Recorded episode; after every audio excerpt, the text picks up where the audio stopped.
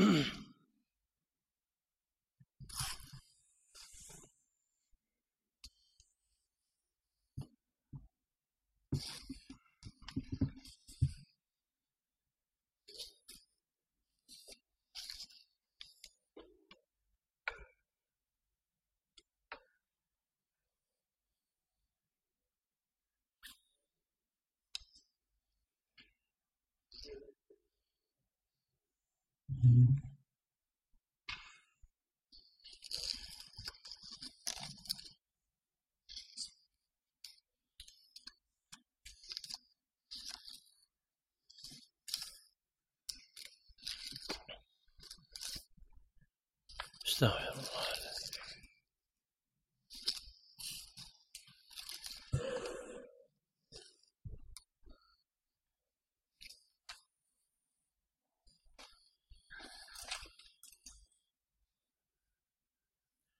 الحمد لله رب العالمين والصلاة والسلام على أشرف الأنبياء والمرسلين نبينا محمد وعلى آله وصحبه أجمعين وبعد.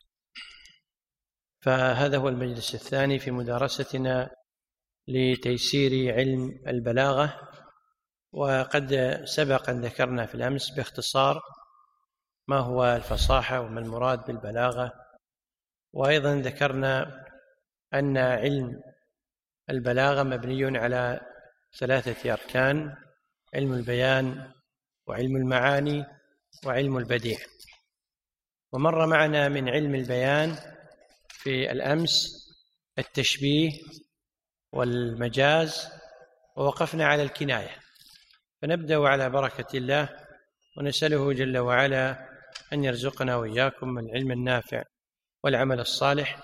فنبدأ حيث وقفنا في الصفحة الخامسة عشر.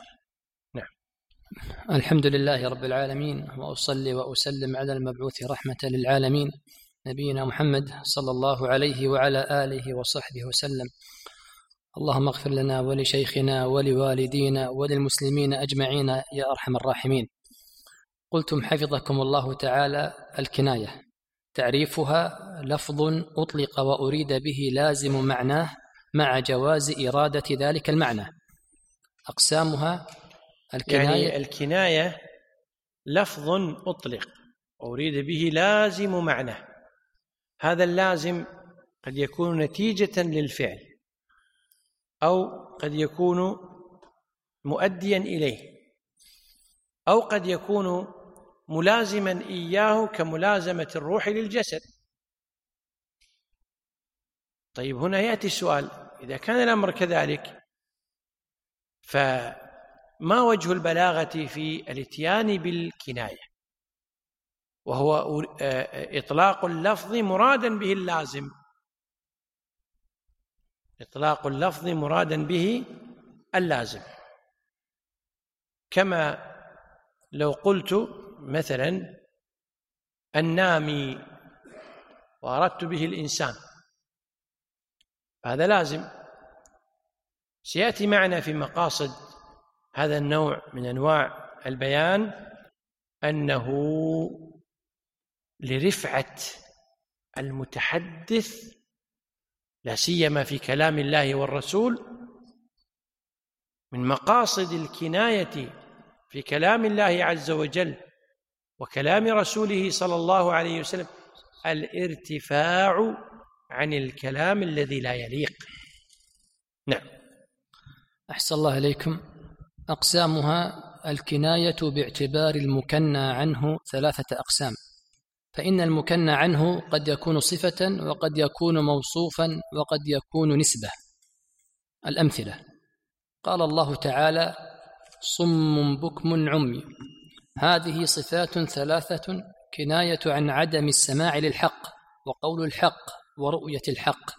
قال تعالى وأحيط بثمره فأصبح يقلب كفيه على ما أنفق فيها وهي خاوية على عروشها ويقول يا ليتني لم أشرك بربي أحدا.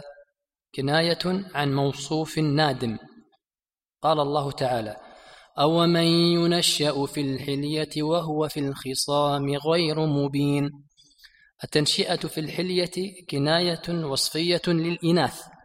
وفيه نسبة لهن إلى عدم قدرتهن على أفعال الرجال الناشئين بين قوارع السيوف. ومن مقاصد ومن مقاصد البلاغة بالنسبة لأقسام البلاغة. الأقسام هناك عدة أقسام. من حيث كون البلاغة كناية عن المكنى به فهو ينقسم إلى ثلاثة أقسام. كناية عن صفة للموصوف. كناية بمعنى أنه موصوف. إذا كناية قد يكون صفة الكناية قد تكون صفة وقد تكون لموصوف وقد تكون نسبة. هذه الثلاث لها أمثلة. لما قال صم بكم عمي. هذه صفات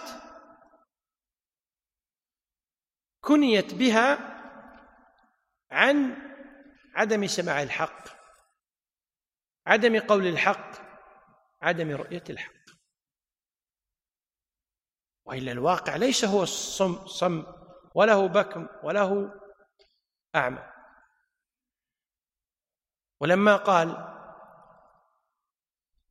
ويقول يا ليتني لم أشرك بربي أحد. فكنا عن ندائه بقوله يا ليتني لم أشرك بربي أحدا هذا الخبر المقصود منه كناية عن موصوف نادم. عن موصوف نادم. هي ليس صفة للنادم الموصوف نادم وهو هذا العبد. أو من ينشأ في الحلية وهو في الخصام وهو في الخصام غير مبين. هذه كناية عن النسبة. كناية نسبية. فالمرأة في بادئ أمرها وانتهاء أمرها تنشأ في الحلية. تبحث عن الجمال وعن الذهب والفضة والملابس الرفرافة الخضراء خلاف الرجل يبحث عن الخشونة والقوة والمرجلة.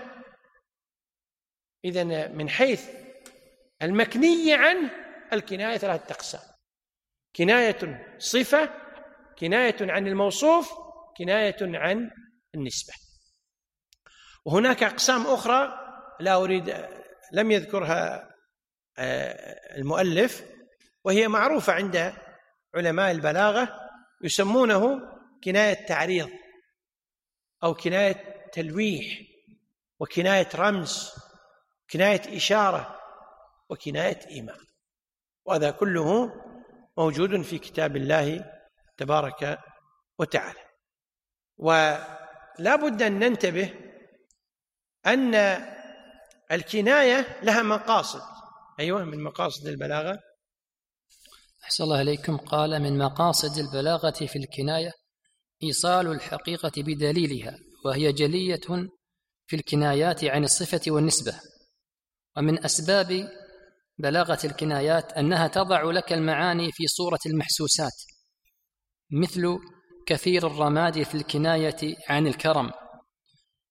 ورسول الشر في الكناية عن المزاح. يقولون فلان كثير الرماد كما جاء في حديث أم زرع. النسوة كل واحدة منهن كنت عن زوجها بوصف. فواحدة منهن قالت إن زوجي كثير الرماد طويل النجاد فهي كنت عن الكرم. ولما تقول العرب فلان رسول الشر هذه كناية عن شؤم ويقصدون بكلمة رسول الشر يعني أنه يأتون ب يأتي بخبر سيء. كذلك في الكناية عن المزاح. يعني يتمازحون يأتون بالكنايات ولا يأتون بصريح العبارة. فمن أعظم مقاصد البلاغة في الكناية إيصال الحقيقة بدليلها و ذلك بأسلوب يجعل غير المحسوس محسوسا. تأمل معي الآن في هذه الآية عن المنافقين والكفار. صم بكم عمي يا الله كناية عجيبة. عن ردهم الحق. ولذلك من فوائد البلاغة في الكناية أنها تضع لك المعاني في صورة المحسوسات. هذه قضية مهمة. وأيضا فيه ترفع عن الإتيان بالكلام الذي لا يليق. فتأمل قول الله جل وعلا أو لامستم النساء. يقول ابن عباس إن الله حيي كريم يكني. أي كناية عن الجماع. ويقول جل وعلا وربائبكم اللاتي في حجوركم من نسائكم اللاتي دخلتم بهن. دخلتم بهن. كناية عن الوقاع. وقد يكني الإنسان عن موضع العورة ولا يريد أن يأتي باسمه على لسانه. وقد جاء هذا في كلام الرب تبارك وتعالى. قال يسألونك عن المحيض قل هو أذى فاعتزلوا النساء في المحيض. شوفوا الكناية العجيبة. فكنا عن المحل ولم يذكر الاسم الصريح. هذا ترفع عظيم. دل على البلاغة. وهذا باب عظيم ترى الكنايات. باب عظيم. ولكن أطبق نقول أطبق البلغاء أن المج... أن الكناية أبلغ من الحقيقة وأبلغ من التصريح لأنه يصور لك المعنى بصورة عظيمة بصورة عظيمة. تأمل نفس المثال اللي ذكرناه لو قال الكفار لا يقبلون الحق لا يسمعون الحق. لا يرون الحق. المعنى مبتذل ولا لا؟ معروف عند الناس. لكن لما قال صم بكم عمي يعني أتى لك بكناية دالة على معنى عظيم. دالة على معنى عظيم. ولذلك هذه الكنايات أيها الإخوة لا بد أن ننتبه أنها من أعظم أنواع البلاغة في القرآن. لكن بين القول بالكناية وبين رد الحق هناك حاجز دقيق ننتبه له. قد يأتي إنسان ويقول كذبا وزورا ويقول وأقيموا كتب عليكم الصيام كناية عن إمساك الأسرار. كل هذا مو ب... هذا مو كناية هذا دجل كذب. لأن من شرط الكناية إيش هو؟ أن يكون هناك لازم وملزوم بين اللفظ المأتي به والمعنى المراد. لا بد يكون هناك لازم وملزوم. وبعد كيفك أنت تحط المعاني. نعم. أحسن الله إليكم. قال ومن خواص الكناية التمكين من التشفي من خصمك من غير أن تجعل له إليك سبيلا. ودون أن تخدش وجه الأدب وهذا النوع يسمى بالتعريض. يعني قد يأتي لك بلفظ ها؟ أنت ما تعرف هو مدحك ولا ذمك؟ هذه كناية. نعم. ومن أوضح مميزات الكناية التعبير عن القبيح بما تسيغ الآذان سماعه. وأمثلة ذلك كثيرة جدا في القرآن الكريم وكلام العرب فقد كانوا لا يعبرون عما لا يحسن ذكره إلا بالكناية. وكانوا لشدة نخوتهم يكنون عن المرأة بالبيضة والشاة. نعم وهذا في غريب اللغة. وهنا لابد أن ننتبه أن الكناية الكنايات الغريبة هذه اكتبها الكنايات الغريبة في اللغة غير مستخدم في القرآن والسنة. لأن القرآن كتاب هداية يخاطب الله به الأمة ولا يأتي بوحشي الكلام وغريبه لأنه إذا أتى بوحشي الكلام وغريبه صيره صيره كلام كلاما مقفله صيره كلاما لا يمكن فهمه فهو بالأحاجي أقرب إليه من البيان. لذلك ننتبه أن الكنايات البعيدة غير مستخدمة في القرآن والسنة. نعم. أحسن الله إليكم. القسم الثاني علم المعاني. ينقسم الكلام إلى خبر وإنشاء والخبر ما يصح أن يقال لقائله إنه صادق فيه أو كاذب. فإن كان مطابقا للواقع فقائله صادق وإن كان غير مطابق فقائله كاذب. كقول القائل زيد فرضي وخالد قائد. والإنشاء ما لا يصح أن يقال لقاء لقائه لقائله نعم أحسنت. لقائله غفر الله لكاتبه. نعم. والإنشاء ما لا يصح أن يقال لقائله إنه صادق فيه أو كاذب. كقول القائل قم إلى الصلاة لا تغش. طيب. الآن النوع الثاني من أنواع علم البلاغة هو ما يعرف بعلم المعاني. علم المعاني أول ما يبدأون فيه يبدأون إلى أن الكلام ينقسم إلى قسمين. خبر وإنشاء.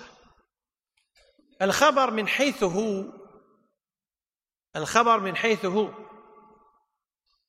ما يكون قابلا للصدق والكذب. ما يمكن أن يقال لقائله صدقت أو كذبت. وأما الإنشاء لا يصح أن يقال لقائله صدقت أو كذبت. لماذا؟ لأن الإنشاء هو طلب. وطلب الفعل إما أن يقابل بالامتثال فيقال امتثل أو بالامتناع فيقال أبى. فما فيه تصديق وتكذيب وإنما التصديق والتكذيب يتصور في الخبر. لما قال جل وعلا لا إله إلا الله هذا خبر الآن. فالمشركون أبوا. وكذبوا وأنكروا وشنعوا وقالوا أجعل الآلهة إلها واحدا إن هذا لشيء عجاب ما سمعنا بهذا في الملة الآخرة إن هذا إلا اختلاق ومعنى اختلاق يعني كذب. فقابلوا الخبر بإيش؟ بالتكذيب. والمؤمنون قابلوا الخبر بالتصديق. فقالوا آمنا بالله. إذن الخبر ما يقابل بالتصديق أو بالتكذيب. لما يأتي إنسان ويقول لك زيد فرضي فأنت تقول صدقت فإن قال خالد قائد تقول صدقت. فإن قال لك خبرا كاذبا لو قال لك كان أبو لهب حكيما تقول كذبت.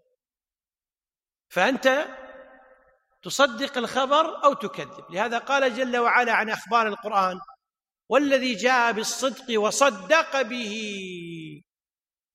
أولئك هم المتقون. هذا يعني في الأخبار. ولهذا قال جل وعلا وتمت كلمة ربك صدقا وعدلا. صدقا يعني في الأخبار. فهي غير قابلة للكذب. وعدلا يعني في الأمر والنهي. فأنت إذا امتثلت ترى أثر العدل على نفسك. نعم. أحسن الله إليكم. والأصل في الخبر أن يلقى لأحد غرضين. ألف إفادة المخاطب الحكم الذي تضمنته الحكم بالفتح مو بالفتح. نعم. إفادة المخاطب الحكم الذي تضمنته الجملة. ويسمى ذلك الحكم فائدة الخبر. باء إفادة المخاطب أن المتكلم عالم بالحكم ويسمى ذلك لازم الفائدة. تنبيه قد يلقى الخبر لأغراض أخرى تفهم من السياق منها ألف الاسترحام باء إظهار الضعف جيم إظهار التحسر دال الفخر هاء الحث على السعي والجد. الأمثلة قال الله تعالى الحمد لله رب العالمين. وقال تعالى من خلق السماوات والأرض وسخر الشمس والقمر ليقولن الله. وقال الله تعالى عن زكريا عليه السلام قال رب إني وهن العظم مني واشتعل الرأس شيبا ولم أكن بدعائك رب شقيا. اذا الأصل في الخبر أنه يلقى لأحد غرضين لماذا يؤتى بالخبر؟ يؤتى بالخبر لإفادة المخاطب الحكم. لما يأتيك إنسان ويقول لما خلق الله آدم ماذا فعل به؟ فالآن هو يسأل عن الحكم. فأنت تقول إن الله لما خلق آدم نفخ فيه الروح فعلمه وعلم آدم الأسماء كلها. فأفاد المخاطب الحكم الذي تضمنته الجملة. ويسمى ذلك الحكم فائدة الخبر. قد يكون الحكم موجود عندك. قد يكون الحكم موجود عندك. فأنت تعرف أن الله خلق آدم. وأنت تعرف أن الله عز وجل خلقنا لعبادته. وعلمت أن الله سبحانه وتعالى هو المعبود بحق. طيب وأنت تعلم أن الله هو المعبود بحق. فإذا أخبرت بخبر ما وأنت تعلم هذا الخبر فمعنى هذا الكلام أن المقصود لازم الفائدة. أنت لما تقول أنا مسلم طيب إيش يستفيد من من كلامك هذا؟ اللي أنت عالم به ماذا يستفيد من هذا الخبر؟ من يسمعك. يستفيد منه ما يقدم لك لحم الخنزير. المقصود فائدة الحكم. فائدة الخبر. أنت بتقول أنا مسلم إيه لا تقدم لا المطلوب لازمه. لما يقول ربنا جل وعلا وهو عالم عن نفسه أنه المستحق للحمد الحمد لله رب العالمين. شنو المقصود؟ المقصود احمدوني هو عالم بالحكم. فهو يخبر بهذا الخبر والمطلوب إيش؟ لازمه. يعني ها احمدوني. يعني تذكروا ربوبيتي وأثنوا علي بما أنا أهل. شفتوا كيف؟ الفائدة العظيمة. فيلقى الخبر لأغراض أخرى أيضا. إحنا ذكرنا ألف وباء. مثل الاسترحام. مثل قول يونس عليه السلام. لما قال لا إله إلا أنت سبحانك إني كنت من الظالمين. هذا خبر ولا مو خبر؟ ولا إنشاء؟ لا خبر. ما في إنشاء. يعني ما في طلب. لا إله إلا أنت سبحانك إني كنت من الظالمين. لكنه خبر ألقاه وردده وكرره مسترحما. ولا لا؟ شنو يريد؟ رحمة الله. عفو الله. لما قال زكريا عليه السلام ربي إني وهن العظم مني. الحين هو زكريا ما هو عالم أن عظم وهن؟ الله ما هو عالم أن عظم وهن؟ عالم ولا مو عالم؟ عالم. فلماذا يخبر بهذا الخبر؟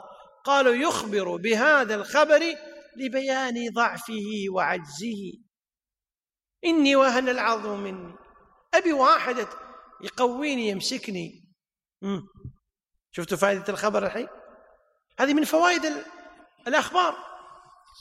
لما آه، أخبر آه، ذاك صاحب الحديقة مر معنا قبل قليل. لما قال فأصبح يقلب كفيه على ما أنفق فيها وهي خاوية على عروشها ويقول يا ليتني لم أشرك بربي أحد. هو خبر الآن. إيش الفائدة من هذا الخبر؟ التحسر. أحسنت. واضح. أنه يتحسر. ويمكن أن يكون المقصود من الخبر الفخر. لما قال فرعون هذه الأنهار تجري من تحتي. هو واقع. والناس يعلمون أنه يسير الأنهار من تحت قصوره أينما شاء. ما المقصود من هذا الخبر؟ الفخر. فلما افتخر به أغرقه الله في الماء. إذن هذه مسألة عظيمة لا بد أن ننتبه لها. إذا رأيت خبرا في القرآن فتنبه إلى الفائدتين. هل استفدت حكما؟ الحمد لله. وهذا ليس هو المقصود وحده. هل المطلوب لازمه؟ هذا هو المطلوب الأعظم في أخبار القرآن. لما يقول الله عز وجل ولئن سألتهم من خلق السماوات والأرض ليقولن الله. الآن كلمة ليقولن الله خبر عن مقولهم ولا لا؟ طيب الخبر عن مقولهم إيش المطلوب؟ هم يعلمون والله يعلم أن الله هو الخالق. المطلوب إيش؟ لازمه. إيش لازمه؟ الألوهية ولا الربوبية؟ الربوبية موجودة المطلوب لازمه الألوهية. تنبهوا إلى لوازم الأخبار في القرآن علم واسع لا حد له ولا مد له. نعم. أحسن الله. البلاغيين. كانوا كتبوا البلاغة خاص للقرآن ما كتبوها لأشعار العرب. ضيعوا الطلاب في أشعار العرب وفي أشعار الجاهليين. حتى اللي يقرأ كتاب مثل البلاغة الواضحة لعلي الجاري ما يدرون شو البلاغة أصلا. كلها قال المتنبي وقال أحمد شوقي وقال فلان. إيش علاقتنا بهؤلاء؟ نعم. أحسن الله عليكم. أنواع الخبر. للمخاطب ثلاث حالات. ألف أن يكون خالي الذهن من الحكم.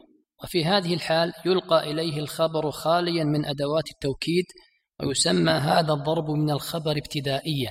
مثل الحمد لله رب العالمين. هذا الخبر خال من التأكيد. تفضل. نعم. باء. أن يكون مترددا في الحكم طالبا أن يصل إلى اليقين في معرفته. وفي هذه الحال يحسن توكيده له ليتمكن من نفسه ويسمى هذا الضرب طلبية. طيب. قالوا نحن نسبح بحمدك ونقدس لك. هذا الكلام خرج منهم مخرج إيش؟ الاستفهام. فجاء الخبر مؤكدا. قال إني أعلم ما لا تعلمون. ما قال أعلم ما لا تعلمون مباشرة. صح ولا لا؟ مو مثل الحمد لله رب العالمين بدون مؤكدات. انتبهتم الآن؟ ليش خرج الكلام مؤكدا؟ لأنهم استفهموا. فلما استفهموا ناسب بلاغة أن يؤكد الخبر. لو قال جاء رجل وقال أين زيد؟ تقول زيد في الدار. لكن لو قال أزيد في الدار؟ ما يناسب أن تقول زيد في الدار. لا يناسب. بلاغة ما ما يناسب. ليش؟ لأنه همزته همزة استفهام قد يحتمل معنى الإنكار. فلا بد أن تقول نعم إن زيدا في الدال انتبهتم للكلام؟ نعم. أحسن الله عليكم. جيم أن يكون منكرا له. وفي هذه الحال يجب أن يؤكد الخبر بمؤكد أو أكثر على حسب إنكاره قوة وضعفا. ويسمى هذا الضرب إنكارية. تنبيه. لاحظ الآن لما أنكر المشركون التوحيد انظر وتأمل المؤكدات الآن. إن هذا مؤكد ولا لا؟ إن. إن ربكم الله الذي لا إله إلا هو. جاء بالحصر وهو نوع من أنواع إيش؟ توكيد. شفتوا كيف؟ طيب. لما جاء وأراد أن يؤكد أكثر الناس في غفلة عن استغلال زمانهم ودارهم ووقتهم وعمرهم ولا لا؟ أكثر الناس في غفلة حتى أهل الإيمان والتقى. في غفلة عن استغلال هذه الأوقات في الطاعات. فماذا قال عز وجل؟ إن الإنسان لا في خسر إلا الذين آمنوا. كم مؤكد جاب إن وال الاستغراقية واللام المؤكدة للقسم لفي وخسر نكرة إلا الذين آمنوا. شفتوا كيف؟ لماذا أتى بهذه المؤكدات؟ لأن المنكرين في استغلال الدهر قليلين. نعم. أحسن الله عليكم. قلتم تنبيه أدوات التوكيد أو أدوات أدوات التوكيد الخبري أدوات كثير. نعم بالتاء. هذه مشكلة عدم النظر. ضعف العجز. حتى ما قمنا نفرق بين الضمة والضمتين. أدوات التوكيد أدوات توكيد الخبر بدون ال أدوات توكيد الخبر كثيرة. نعم. أدوات أدوات توكيد الخبر كثيرة ومنها إن وأن. أحسنت. القسم. لام الابتداء. نون التوكيد الخفيفة والثقيلة. أحرف التنبيه. الحروف الزائدة. قد أما الشرطية. نعم. الأمثلة. قال الله تعالى واضرب لهم مثلا أصحاب القرية إذ جاءها المرسلون. إذ أرسلنا إليهم اثنين فكذبوهما فعززنا بثالث فقالوا إنا إليكم مرسلون. قالوا ما أنتم إلا بشر مثلنا وما أنزل الرحمن من شيء. إن أنتم إلا تكذبون. قالوا ربنا يعلم إنا إليكم لمرسلون. وقال تعالى قد يعلم طيب الله طيب خلونا نشوف المثال الأول.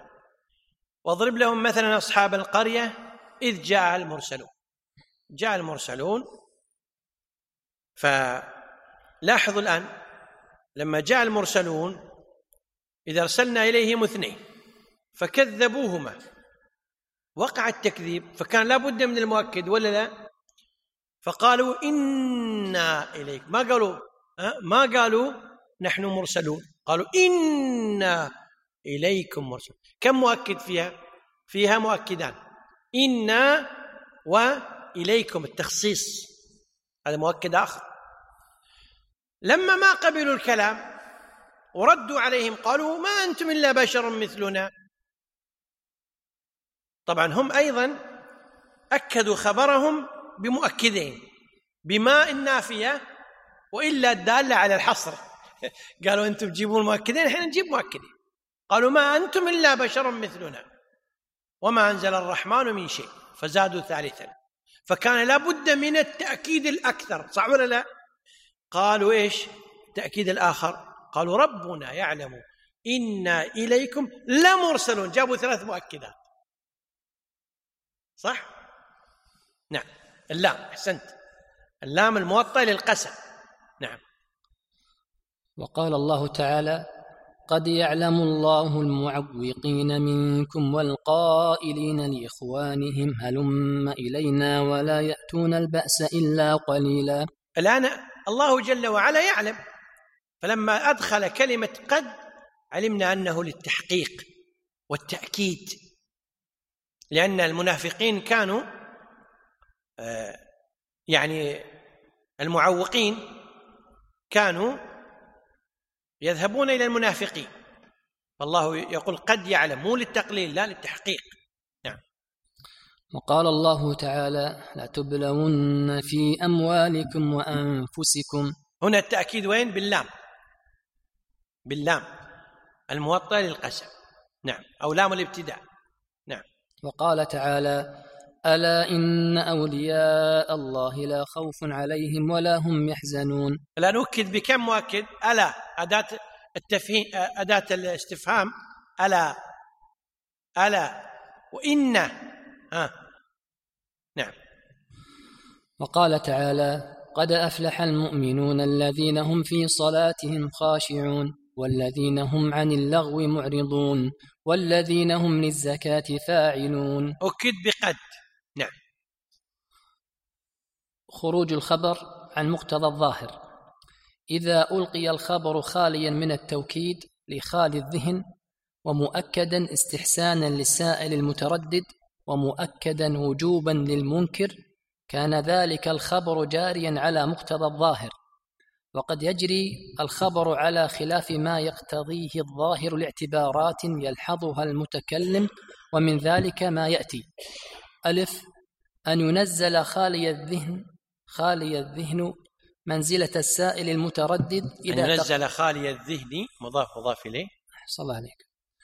أن ينزل خالي الذهن منزلة السائل المتردد إذا تقدم في الكلام ما يشير إلى حكم الخبر. باء أن يجعل غير المنكر كالمنكر كالمنكر لظهور إمارات الإنكار عليه. جيم أن يجعل المنكر كغير المنكر إن كان لديه دلائل وشواهد لو تأملها لارتدع عن إنكاره. الأمثلة. قال الله تعالى ولا تخاطبني في الذين ظلموا إنهم مغرقون. والله سبحانه وتعالى لما نهى نوحا عن مخاطبته في شأن مخالفيه دفعه ذلك إلى التطلع إلى ما سيصيبهم. فنزل لذلك منزلة السائل المتردد. أحكم عليه بالإغراق أم لا؟ فأجيب إنهم مغرقون. قال تعالى وما أبرئ نفسي إن النفس لأمارة بالسوء إلا ما رحم ربي. المخاطب خالي الذهن خالي الذهن من الحكم الذي تضمنه. غير أن هذا الحكم لما كان مسبوقا بجملة أخرى وهي قوله تعالى وما أبرئ نفسي وهي تشير إلى أن النفس محكوم عليها بشيء غير محبوب أصبح أصبح المخاطب مستشرفا متطلعا إلى نوع هذا الحكم. فنزل من أجل ذلك منزلة الطالب المتردد وألقي إليه الخبر مؤكدا. وقال تعالى ثم إنكم بعد ذلك لميتون. فالمخاطبون غير منكرين الحكم الذي تضمنه. فما السبب إذن في إلقاء الخبر إليه مؤكدا؟ السبب ظهور أمارات الإنكار عليهم. فإن غفلتهم عن الموت وعدم استعدادهم له بالعمل الصالح يعدان من علامات الإنكار. ومن أجل ذلك نزلوا منزلة المنكرين وألقي إليهم الخبر. نزلوا نزلوا منزلة المنكرين أحسن الله عليك. من أجل ذلك نزلوا منزلة المنكرين وألقي إليهم الخبر مؤكدا بمؤكدين. قال تعالى يخاطب منكري وحدانيته وإلهكم إله واحد لا إله إلا هو الرحمن الرحيم. فالله سبحانه يخاطب المنكرين الذين يجحدون وحدانيته ولكنه ألقى إليهم الخبر خاليا من التوكيد كما يلقى لغير المنكرين ووجه ذلك أن بين أيدي هؤلاء من البراهين من البراهين الساطعة والحجج القاطعة ما لو تأملوا لوجدوا فيه نهاية الإقناع ولذلك لم يقم الله لهذا الإنكار وزنا ولم يعتد فيه ولم يعتد به في توجيه الخطاب إليهم. يعني المقصود في هذا ال ال هذه الفقرة أنك تعلم أن خروج الخبر عن مقتضى الظاهر لابد أن يكون هناك لنكتة بلاغية. فالأصل أن الخبر قد يأتي بلا مؤكد وذلك لخال الذهن. مثل الحمد لله رب العالمين. وقد يؤكد استحسانا للسائل المتردد إياك نعبد. وقد يؤكد وجوبا للمنكر إن إلهكم إله واحد. طيب إذا خرج الكلام عن هذا المجرى أو هذا المجرى فلا بد حينئذ أن ننتبه أنه متى ما خرج الكلام عن هذا المنوال فإن ذلك لا بد أن يكون لحكمة بلاغيه فإذا صار الكلام مؤكدا لخال الذهن فهذا معناه أنه لا بد أن يكون هناك مغزى. ما المقصود؟ فتنتبه وتبحث عن الفهم. طيب إذا كان الكلام مع المنكرين وترك التأكيد فأنت تفهم أن ترك التأكيد في الخطاب معهم تجهيل لهم. تسفيه لهم أو كأن المعنى الأدلة ظاهرة وإنكاركم كغبرة عابرة. هذه مسائل لا بد من التنبه لها لما تقرأ القرآن. من تنبه إلى هذه المعاني تولدت لديه الحس البلاغي في القرآن.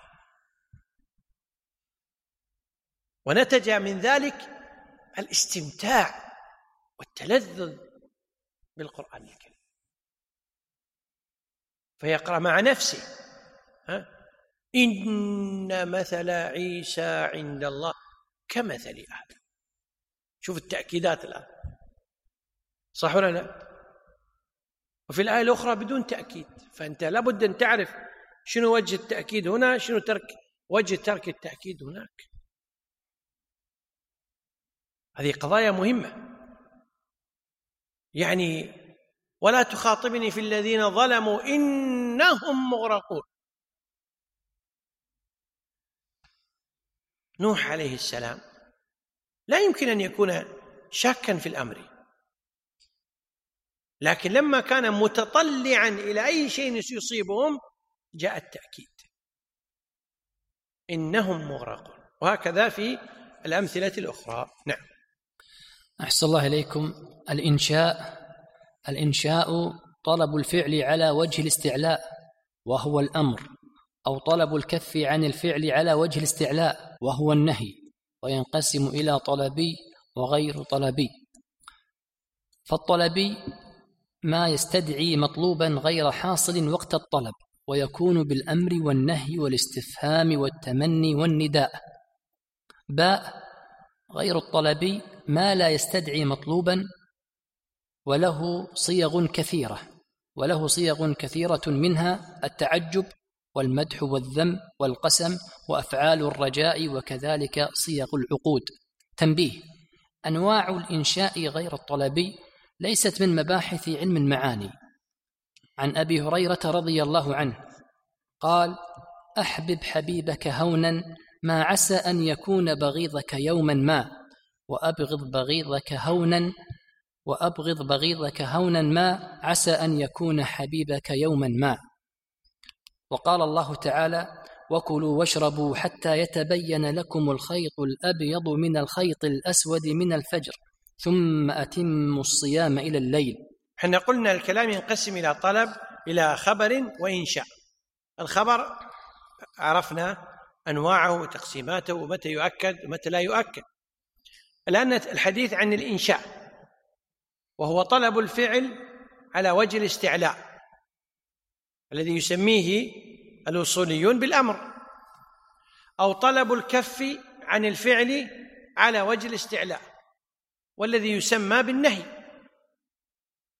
فالإنشاء ينقسم إلى طلبي وغير طلبي. طيب كيف يكون إنشاء طلبي وغير طلبي؟ وكله فعل. الطلبي المقصود منه الامتثال. وغير الطلبي لا قد لا يكون المقصود منه الامتثال. لذلك قال الطلب ما يستدعي مطلوبا غير حاصل وقت الطلب. فسبح بحمد ربك واستغفره هذا شيء ما كان موجود الآن أوجده. أقم الصلاة لدلوك الشمس. أوجد صلاة المغرب بعد غروب الشمس. ها هذا طلبي. المقصود منه إيش؟ إيجاد الامتثال. ما يستدعي مطلوبا غير حاصل وقت الطلب. ويكون بالأمر والنهي والاستفهام والتمني والنداء. له صيغ متعددة. أما غير الطلب ما لا يستدعي مطلوبا. ما لا يستدعي مطلوبا. وله صيغ كثيرة منها التعجب. أكتبت الدرس تتعجب مثلا. والمدحة منها المدح. تقول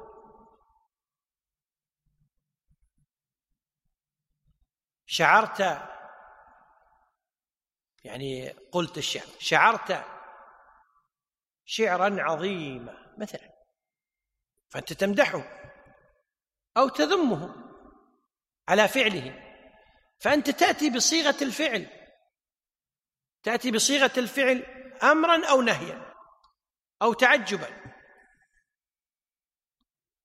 وقد يكون أيضا هذا الغير الطلبي قد يكون المقصود منه صيغ العقود. لكن على كل حال أنواع الإنشاء غير الطلبي ليست من مباحث علم المعاني. هذا ليس مطلوب لنا. ولذلك ما بحثنا فيها كثيرا.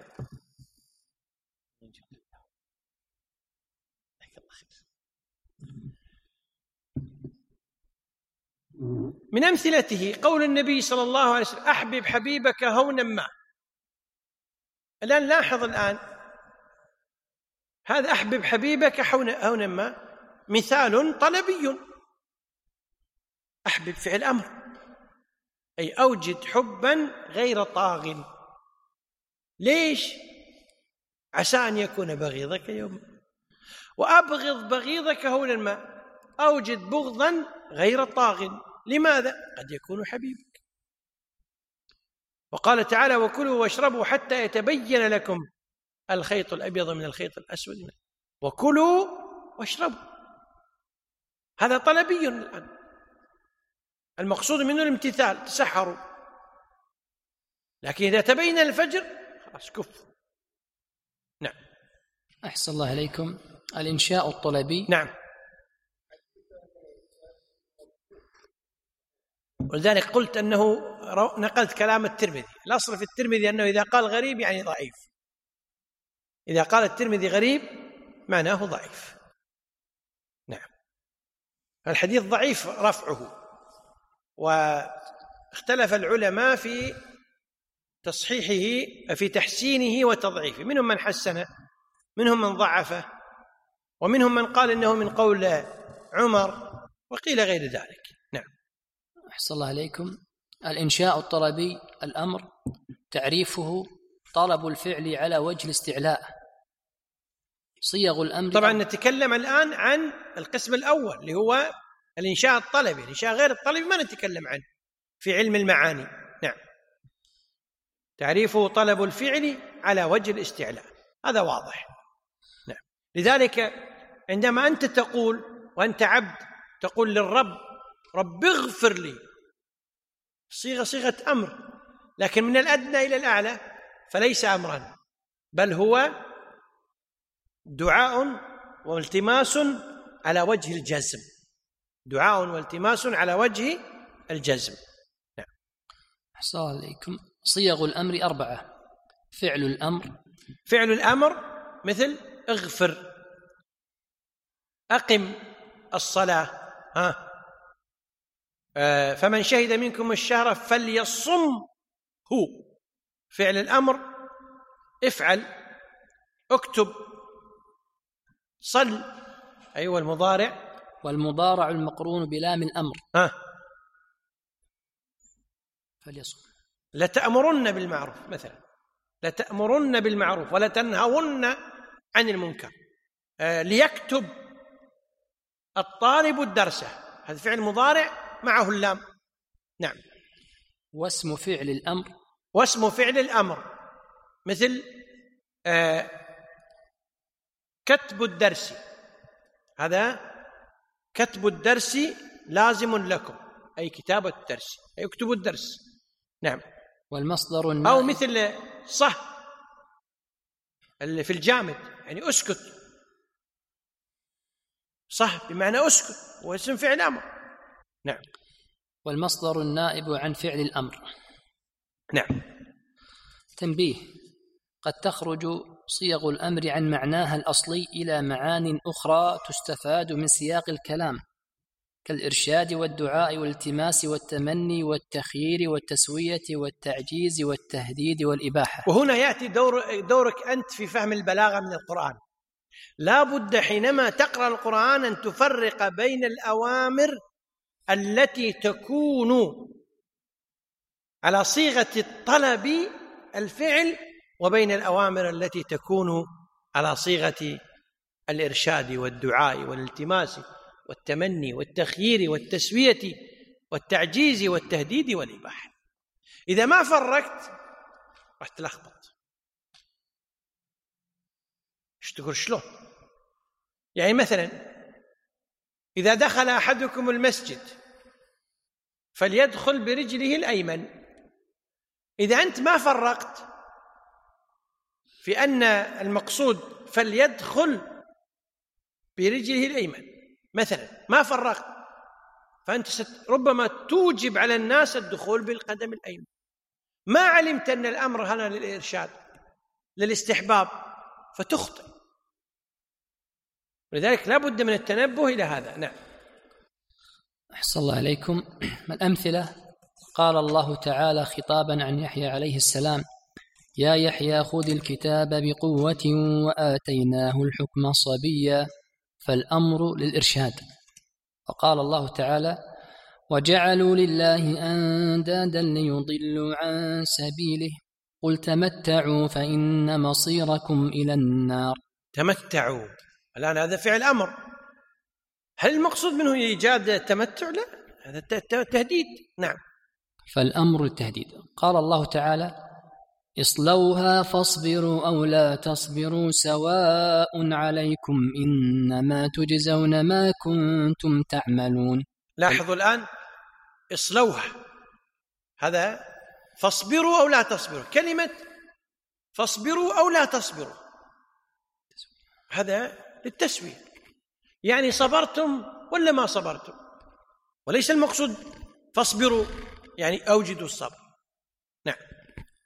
أحسن الله عليكم. الإنشاء الطلبي النهي. تعريفه طلب الكف عن الفعل على وجه الاستعلاء. صيغة النهي.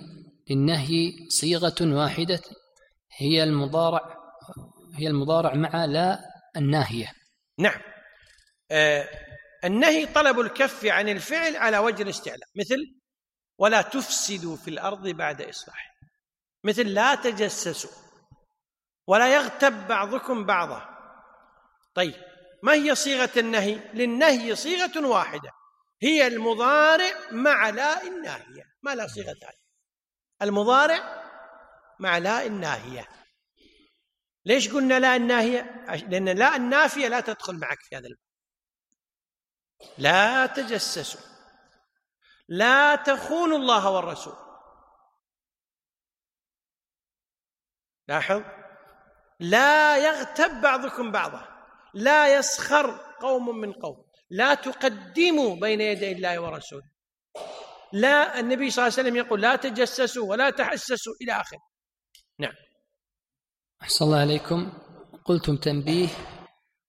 قد تخرج صيغة النهي عن معناها الحقيقي إلى معان أخرى تستفاد من السياق وقرائن الأحوال كالدعاء والالتماس والتمني والإرشاد والتوبيخ والتيئيس والتهديد والتحقير. اذا لا بد لطالب العلم أن ينتبه مقصودنا فهم كلام الله والرسول قد يأتي النهي قد يأتي النهي لغير معنى الكف. فإذا جاء النهي لغير معنى الكف فلا بد أن نفرق بينه وبين النهي ولذلك من لم يفرق وقع عنده إيش؟ وقع عنده الخلاف هل الأمر يقتضي النهي ولا لا؟ طيب أي أمر أنت تقصد؟ إذا كان المقصود الأول وهو طلب الكف على عن الفعل على وجه الاستهلاك فقطعا المقصود منه النهي يقتضي يقتضي إيجاد أو ترك المنهي عنه. ما في كلام. أما إذا كنت تقصد بكلمة النهي النهي عن الصيغة الواردة في الدعاء أو في الالتماس أو في التمني أو في الإرشاد أو في التوبيخ هذا مسألة ثانية. نعم. الأمثلة قال الله تعالى ولا تقربوا مال اليتيم إلا بالتي هي أحسن حتى يبلغ أشده نعم. وقال الله تعالى في النهي عن قطيعة الرحم ولا يأتل أولو الفضل منكم والسعة أن يؤتوا أولي القربى والمساكين والمهاجرين في سبيل الله وليعفوا وليصفحوا ألا تحبون أن يغفر الله لكم والله غفور رحيم فهنا في قوله لا تقربوا هذا نهي. لا شك. طبعا هذا النهي المقصود منه عدم القربان مطلقا فهو للتحريم. في قوله ولا يأتل أولو الفضل منكم. هنا نهي لكنه إرشاد. لأن أصل الصدقة هل هي واجبة ولا ليست واجبة؟ سؤال. ليست واجبة. الواجب الزكاة. فلما كان الأصل ليس واجبا إذا إتيان إعطاء الفضل للناس والنهي عن عدم إعطائهم هو إرشاد. هذا كيف فهمنا؟ بدلالة الأحوال. نعم. كذلك في قوله وليعفوا وليصفحوا. هذا العفو وهذا الصفح ليس واجبا. الاستحباب والإرشاد. نعم. أحسن الله عليكم. وقال الله تعالى في النهي عن اتخاذ بطانة السوء. يا أيها الذين آمنوا لا تتخذوا بطانة من دونكم لا يألونكم خبالا ودوا ما عنتم قد بدت البغضاء من أفواههم وما تخفي صدورهم أكبر. قد بينا لكم الآيات إن كنتم تعقلون. وقال الله تعالى ولا تفسدوا في الأرض بعد إصلاحها. طبعا هنا النهي للتحريم لا شك في الموضعين نعم. الاستفهام وأدواته. تعريف الاستفهام طلب العلم بشيء لم يكن معلوما من قبل. أدوات الاستفهام كثيرة ومنها الهمزة هل؟ نعم الهمزة هل. نعم. يعني أدوات الاستفهام الهمزة وهل. نعم, نعم. ثالثا مقاصد الاستفهام بالهمزة لتعيين المفرد ويسمى تصورا ويذكر له هنا في خطأ. اكتبوا أدوات الاستفهام الهمزة وهل. بس شيلوا كلمة كثيرة وشيلوا كلمة منها لأن الصحيح أن الهمزة وهل هما أدوات الاستفهام. وأما كل استفهام آخر فإنما هو تبعي وليس أصلي. واضح؟ إيه، اكتب أدوات الاستفهام. كلمة كثيرة ومنها شيلة أدوات الاستفهام الهمزة وهل. بس. أداتان فقط. نعم أحسن الله عليكم مقاصد الاستفهام بالهمزة لتعيين المفرد ويسمى تصورا ويذكر له في الغالب معاد معادل بعد معادل بعد أم. بعد أم. نعم.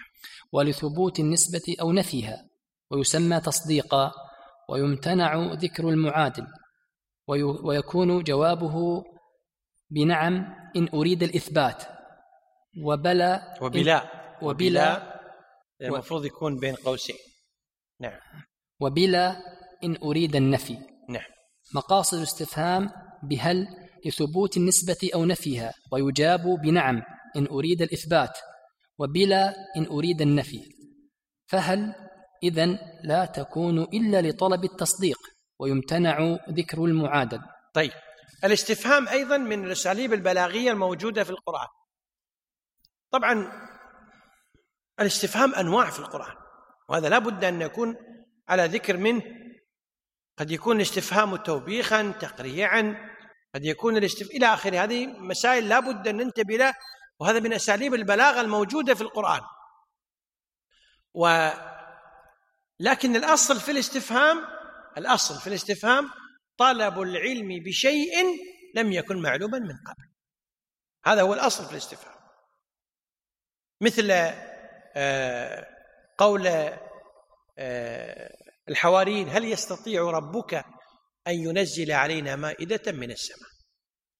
فهنا طلب العلم بشيء لم يكن معلوما من قبل ومثل القول الذي مر على قرية أن يحيي هذه الله بعد موتها. هذه أمثلة. إذا أن وهل ومقاصد الاستفهام بالهمزة مقصده. لتعيين المفرد ويسمى تصورا. أزيد في الدار أم عمرو؟ انتبه الآن. فهنا المقصود التصور للمفرد إما زيد وإما عمرو. ما تريد الاثنين. ويذكر له في الغالب معادل بعد أم. أزيد في الدار أم عمرو؟ الله خير أم ما يشركون. ها هذا في القرآن. ولثبوت النسبة هذا المقصد الثاني من كلمة الهمزة. ولثبوت النسبة أو نفيها.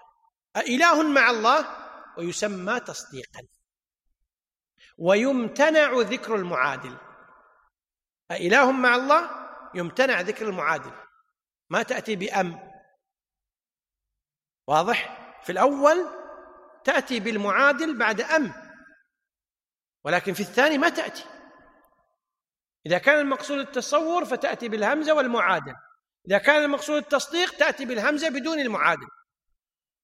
ويكون جوابه بنعم إن يريد الإثبات وبلا إن يريد النفي. وقت الأذان؟ طيب نكمل بعد الأذان إن شاء الله. بس نخلص الاستفهام. نعم. الله أكبر الله أكبر. الله أكبر الله أكبر.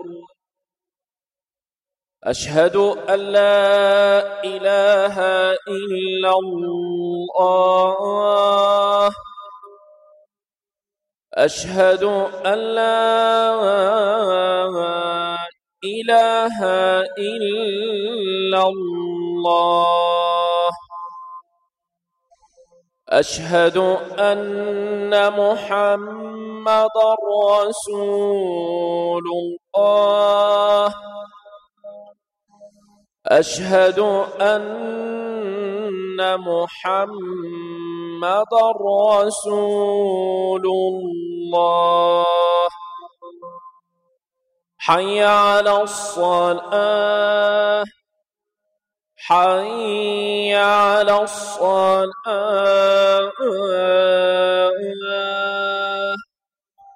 حي على الفلاح.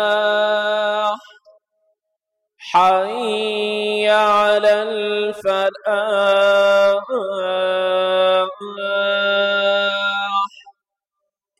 الله أكبر الله أكبر. لا إله إلا الله لا إله إلا الله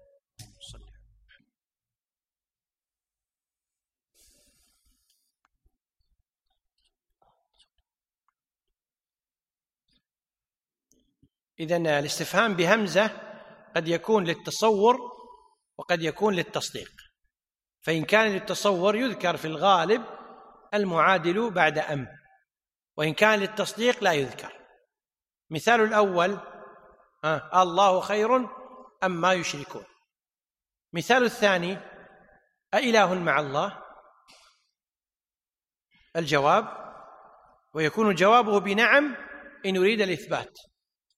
وبلا إن يريد النافي فلما تقول أإله مع الله تقول لا ليس مع الله إله.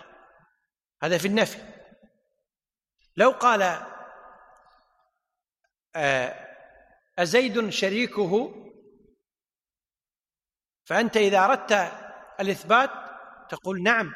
وإذا أردت النفي تقول لا. أزيد فرضي إذا أردت الإثبات تقول نعم. إذا أردت النفي تقول لا.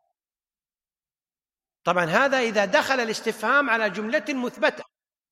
فإن دخل الاستفهام على جملة منفية ألا رجل في الدار؟ فإن أردت الإثبات تقول إذا أردت الإثبات تقول لا رجل في الدار هذا نفي. لا. إذا أردت النفي تقول لا إذا أردت الإثبات تقول نعم. أما مقاصد الاستفهام بهل فليس من وراء هل إلا شيء واحد وهو ثبوت النسبة وهو ثبوت النسبة يعني تصديق فقط. يعني تصديق فقط ويمتنع ذكر المعادل مع هل. فلا يصح أن تقول هل زيد في الدار أم عمرو؟ هذا ليس من الكلام الفصيح.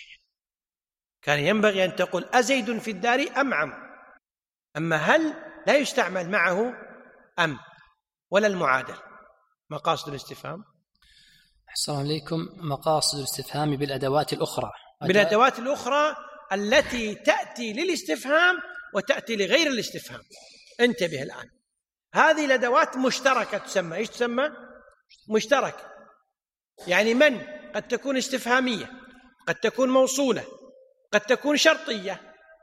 ما قد تكون استفهامية. قد تكون آه موصولة. قد تكون نافية. قد تكون مصدرية. فانتبه لها. آه وهنا يأتي دور البلاغة في القرآن. نعم. أداة الاستفهام من؟ يطلب بها تعيين العقلاء.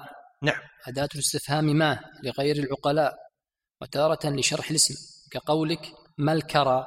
فتجاب بأنه النوم وتارة يطلب بها حقيقة المسمى. نحو وما رب العالمين. قال رب السماوات والأرض وما بينهما إن كنتم موقنين. طبعا هنا بس من باب الفائدة أنبه على تنبيه ظن بعض المتكلمين أن كلمة ما رب العالمين استفهام عن الماهية وهذا خطأ يشهد له قولهم في البلاغة. فإن ما يستفهم به لشرح الاسم. أي بمعنى ما هو وصف الموسوم. ما هو وصف الموصوف الموسوم. ما هو وصف الموسوم؟ لذلك قال لشرح الاسم. وليس للماهية. هم يقولون ما استفهام عن الماهية.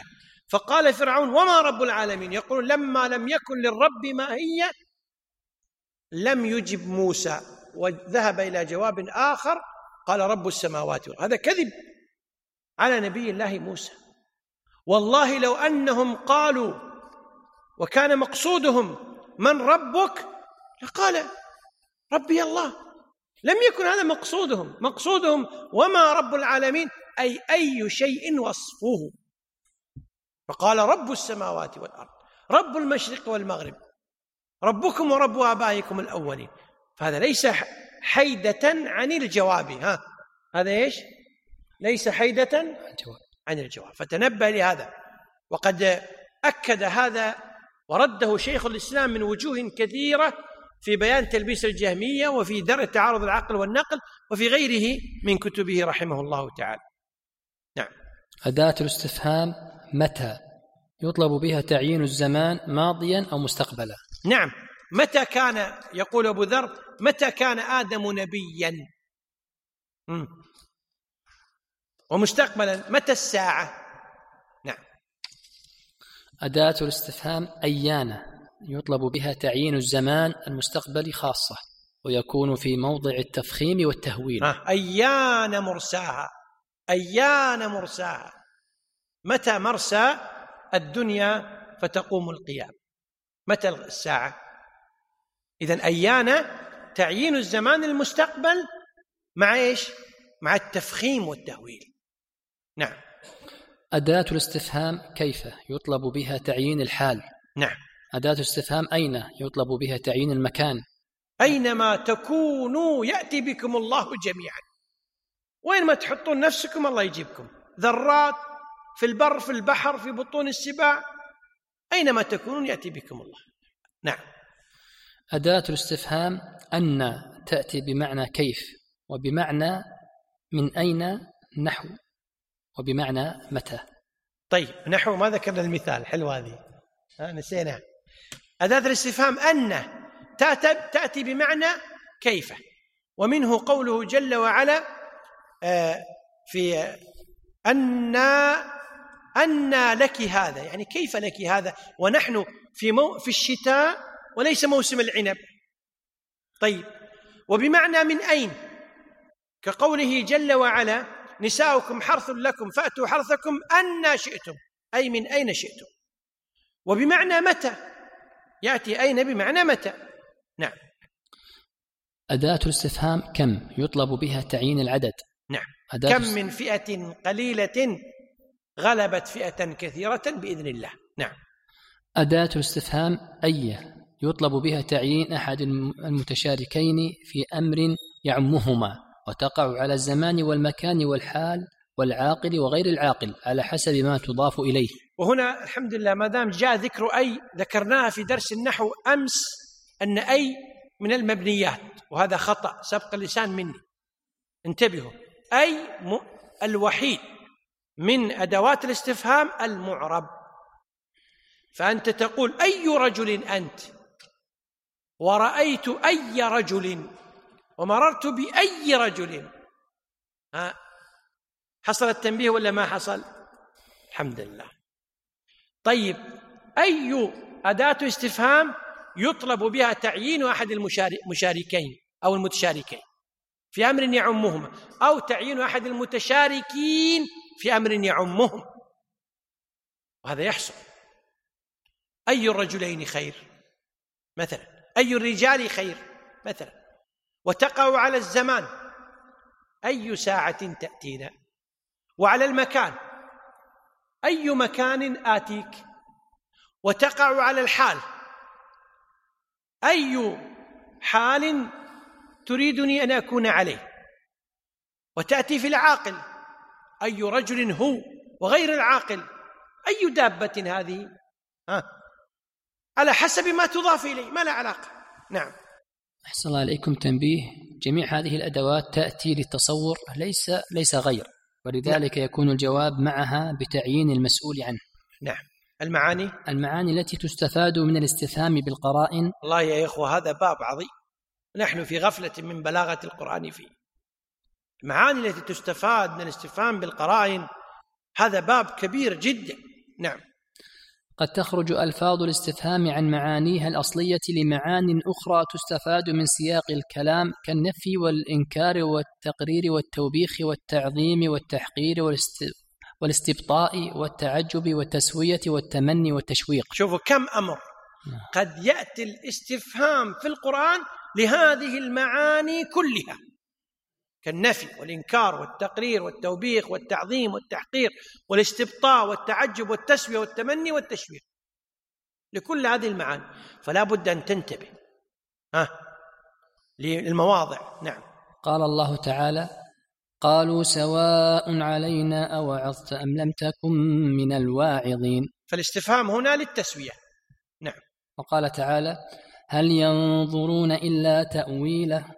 يوم يأتي تأويله يقول الذين نسوه من قبل قد جاءت رسل ربنا بالحق فهل لنا من شفعاء فيشفعوا لنا أو نرد فنعمل غير الذي كنا نعمل قد خسروا أنفسهم وضل عنهم ما كانوا يفترون. هل ينظرون إلا تأويله؟ الأولى الآن هذه انتبهوا لها. هذا للتعظيم. فهل لنا من شفعاء هنا للتمني؟ نعم. وقال تعالى يا أيها الذين آمنوا هل أدلكم على تجارة تنجيكم من عذاب أليم؟ وقال تعالى قل أرأيتكم إن أتاكم عذاب الله أو أتتكم الساعة أغير الله تدعون إن كنتم صادقين؟ نكتفي بهذا القدر نقف على باب التمني إن شاء الله في الغد نكمل ونسأل الله عز وجل يرزقنا وإياكم العلم النافع والعمل الصالح. صلى اللهم وبارك على نبينا محمد وعلى آله وصحبه. أحد عنده سؤال فيما مضى؟ عبد الرحمن. تفضل أبو يوسف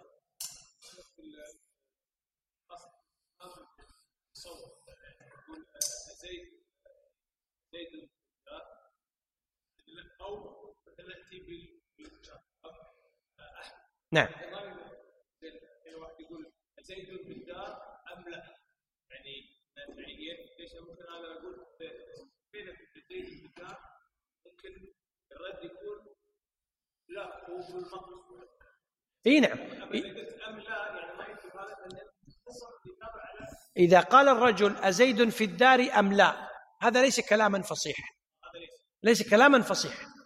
الكلام الفصيح أن تقول أزيد في الدار وتقف أو أزيد في الدار أم بكر؟ هذان هما الفصاحة. ما عدا ذلك خرج عن الفصاحة. فإذا قال رجل أزيد في الدار أم لا هذا ما هو فصيح. لأن كلمة أزيد في الدار يغني عن كلمة أم لا. ما في داعي. هو سيقول نعم أو لا. نعم. سبحانك اللهم بحمدك أشهد أن لا إله إلا أنت أستغفرك.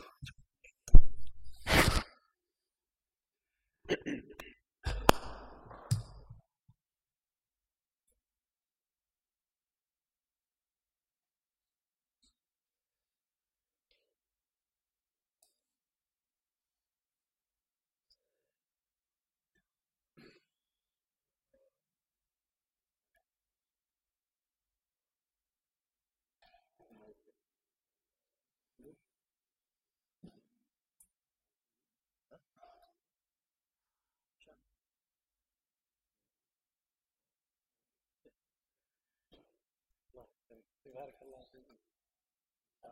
شيخ يوسف موجود أنا تعبت. الله يسلمك.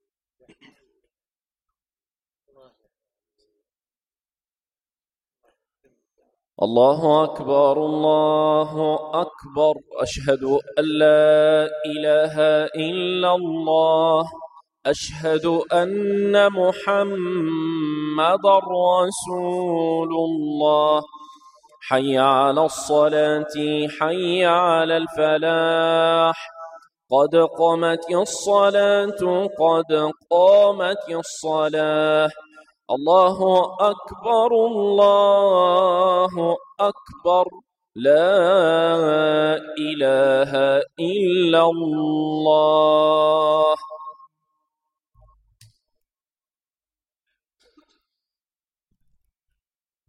استووا سدوا الخلل. الله أكبر.